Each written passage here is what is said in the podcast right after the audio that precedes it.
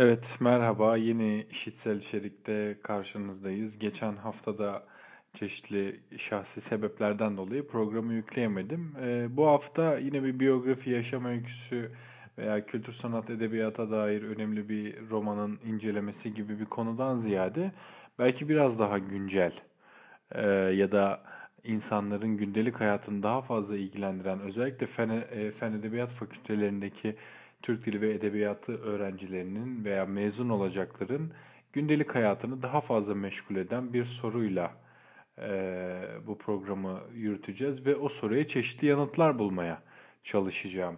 Niçin bu bölümü üzerinden? Çünkü ben de Fen Edebiyat Fakültesinde Türk Dili ve Edebiyatı okuduğum için e, bu bölüm bu bölümü okuyan veya okumuş olan genç arkadaşlarla ilgili bir şeyler söylemek istiyorum.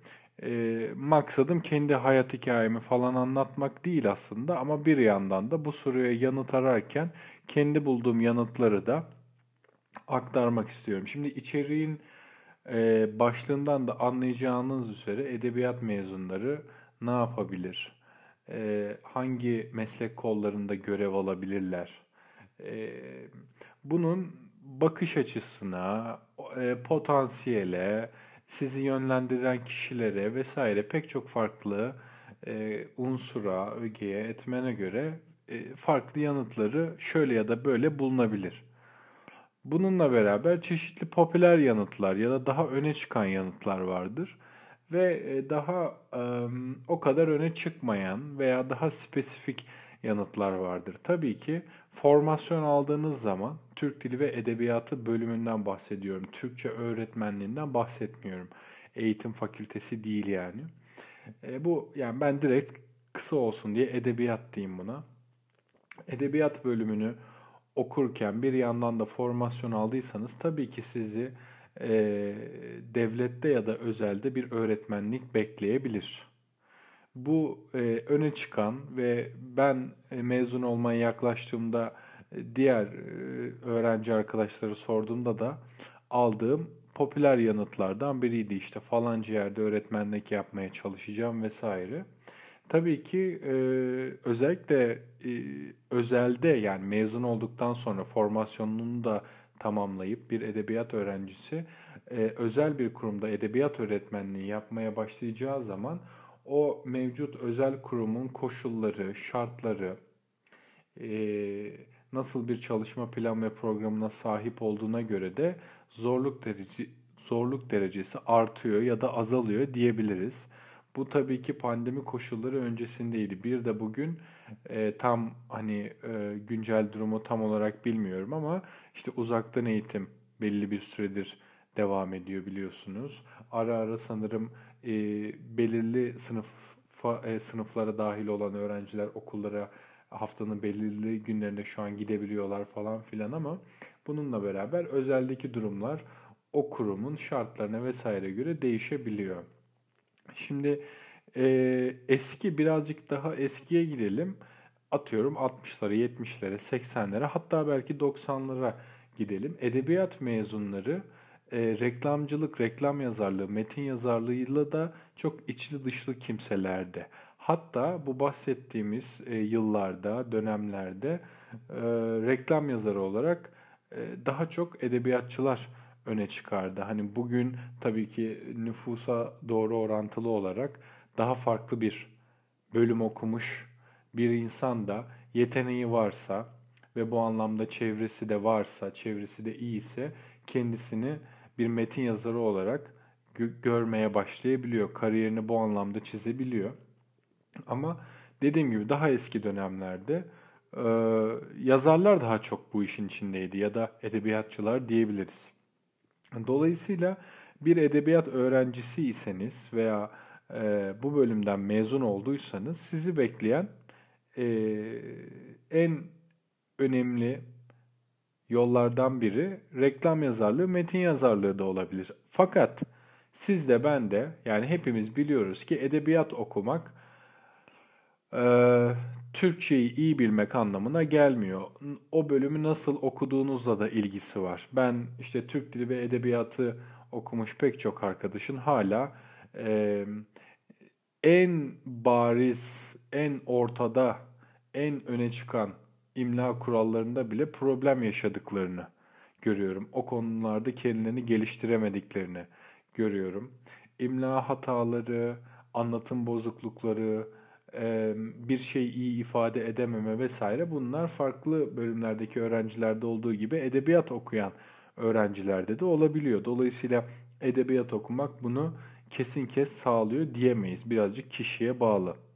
Bu kişiye bağlı kısımda üzerinize düşen sorumluluğu yerine getirirseniz, dili daha iyi öğrenmeye, kavramaya başlarsanız tabii ki bir reklam yazarı olarak da çok zorlanmayacağınız açıktır. Yani şimdi şöyle bir örnek verelim. Reklam yazarlığı diyelim ki elektrikli süpürge üzerine bir metin yazacaksınız ve elektrikli süpürgede kullanıcının veya müşterinin diyelim kararını almasında en etkili olan şeylerden biri o süpürgenin ne kadar ses çıkardığı yani gürültü seviyesi yani desibeli vesaire. Ee, şimdi burada böyle bir metin yazarken kuru gürültü ifadesini kullanırsanız çuvallarsınız, komik duruma düşebilirsiniz. Niçin?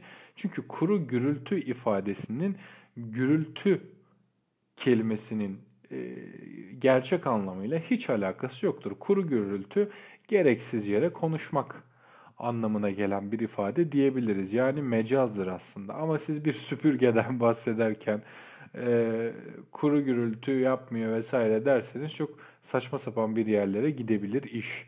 Bu e, bunu böyle örneklendirebilirim. Bunun dışında bu işleri hallederseniz önünüz açılabilir. Dolayısıyla reklam alanında dijital pazarlama ya da işte şehirlerin kalabalık noktalarındaki billboardlarındaki o reklamlardaki metinleri yazmak ya da televizyona e, televizyondaki reklamların metinlerini yazmak, e, bir kanaldaki televizyon kanalındaki haber programının editör grubuna dahil olmak, mesela haber editörü olmak veya e, bir senaryo yazmak televizyonda ya da dijitaldeki çeşitli yapımların senaryo ekibine dahil olmak ve öylece senarist olmak vesaire bunlar da değerlendirilebileceğiniz çeşitli alanlar aslında.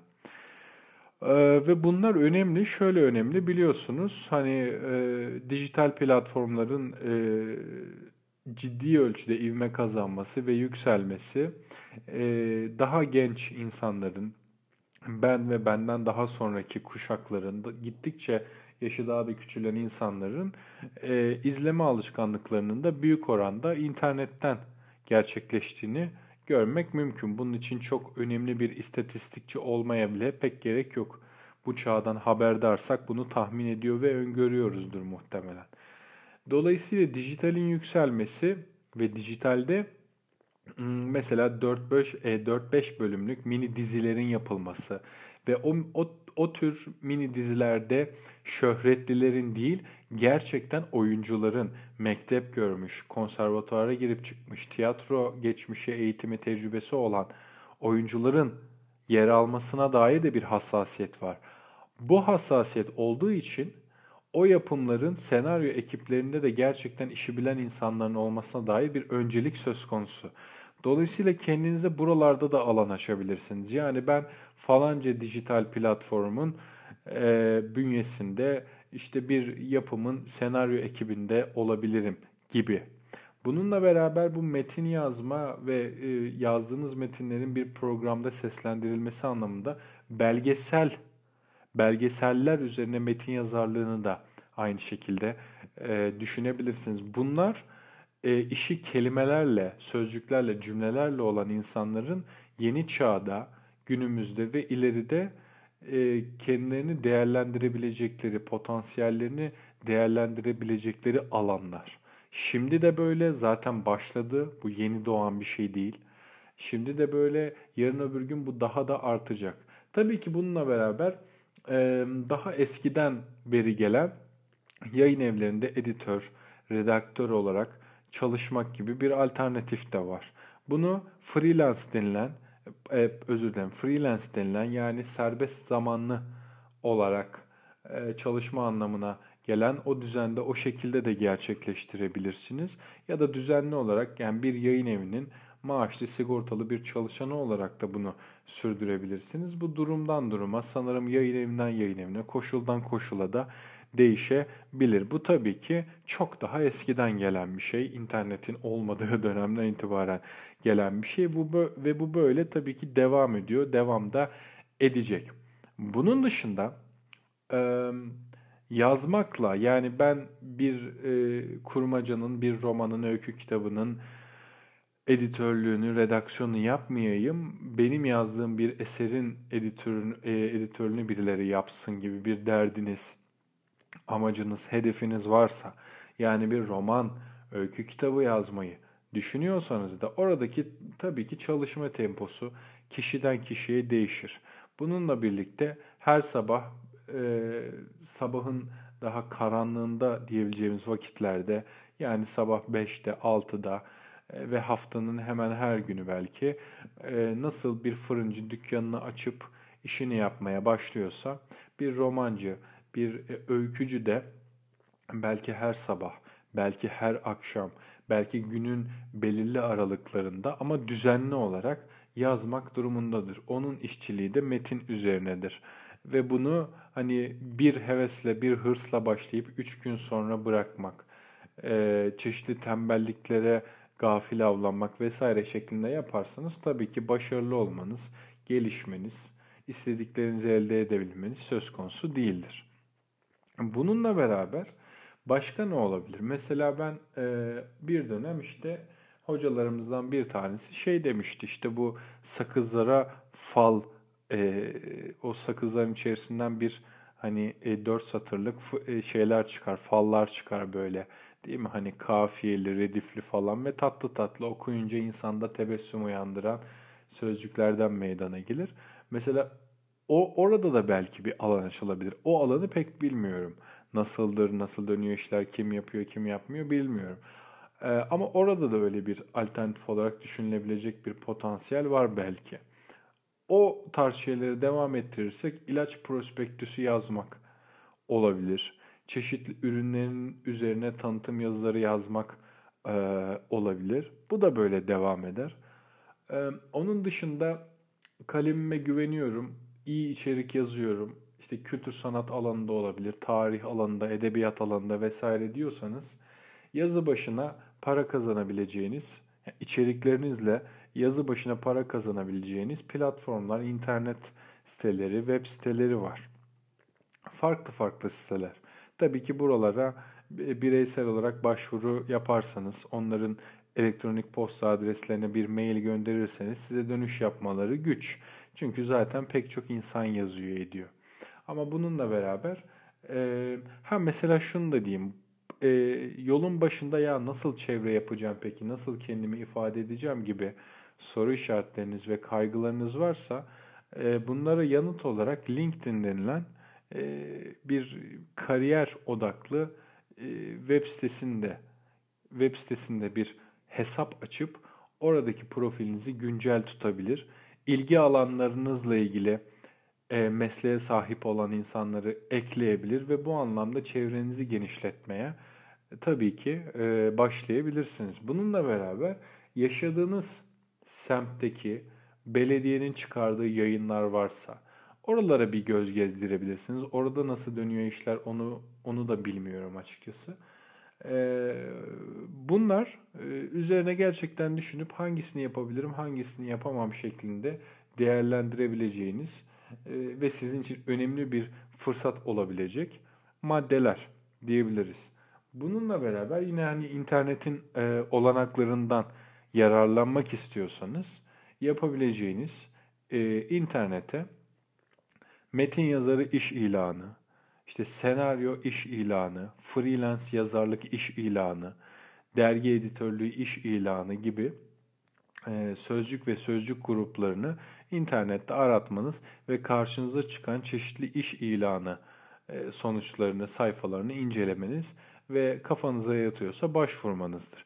Böyle de bir yol denenebilir. Yani baktığınız zaman aslında Türk dili ve edebiyatı okuyan biri olarak ya ben ne yapacağım hani diyorsanız farklı neler yapabilirim bana sunulandan ya da çevremde öne çıkan e, gir, e, tercihler tercihlerin dışında neler yapabilirim gibi sorularınız varsa bu dediklerim içerisinden e, çeşitli bu dediklerim içerisinden farklı farklı birkaç tanesini, hepsini ya da yalnız bir tanesini seçmeniz mümkün. Onun dışında yine işte hayal gücünüze e, güvenerek çeşitli alanlarla yani benim şu an bu programda söylemediğim, benim aklıma gelmeyen farklı şeyler varsa onları da yapabilirsiniz. Dolayısıyla baktığınız zaman aslında bir edebiyat öğrencisinin ve hani yalnızca edebiyat öğrencisi diye sınırlandırmayalım. Dediğim gibi ben Türk Dili ve Edebiyatı okuduğum için edebiyat bölümüyle sınırlandırıyorum ama metin yazarak, kalem oynatarak para kazanmak isteyen e, insanlar için de belki bu dediklerim geçerlidir. E, dolayısıyla farklı pek çok alan var. Sınırlı değil. Ben üniversitede öğrenciyken işte aynı sınıfta e, olduğum sınıf arkadaşlarım ne mezun olunca ne yapacaksın falan gibi bir, bir soru sorduğumda arkadaşlara e, tipik cevaplar alırdım ve genellikle bunlar birbirine benziyordu. Şunu yapacağım, bunu yapacağım, şunu deneyeceğim falan gibi. Ama farklı pek çok şey denenebilir. Burada e, birisinin sizin sorduğunuz soruya e, sizin yanınıza gelip yanıt vereceğini beklememeniz önemli olan. Ya aklımda işte ya ne yapacağım gibi bir soru var, var ama bu soruya nasıl yanıt bulacağım ya da yanıt kimde diye böyle birini size gelip yanıt vermesini beklememeniz önemli. Bir kere deneyip hmm, olmadığında hemen küsüp caymamanız. Önemli olan bunlar. Dolayısıyla bir edebiyat öğrencisinin şunu da vurgulayayım. Hmm, Dijitalde gerçekten bugün, bugünün çağında farklı pek çok şekilde e, önemli kaynaklar, fırsatlar var. Demin söyledik dijitalde bir e, metin farklı alanlarda metin yazarlığı, reklam yazarı olabilir, bir dergide yazarlık olabilir, e, bir mini dizi ya da bir filmin senaryo ekibine dahil olmak olabilir vesaire. Bunları sıra sıra durumunuza, o günkü potansiyel ve çapınıza göre değerlendirebilirsiniz. Ee, bu bahsettiğim şeylerden bazılarını yapmış biri olarak söylüyorum zaten. Teorik olarak konuşmuyorum.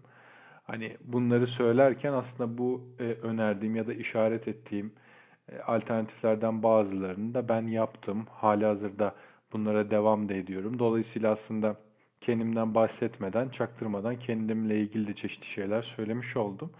Dolayısıyla yalnızca sizin önünüze sunulandan ziyade e, çağın önceliklerine uygun olarak burada nasıl bir e, iş potansiyeli var ya da ben mesleki olarak kalem oynatmak ve bununla para kazanmak isteyen biri olarak neler yapabilirim diye şöyle bir etrafınıza e, aklı selim bir şekilde bakarsanız pek çok alternatif görebileceksinizdir.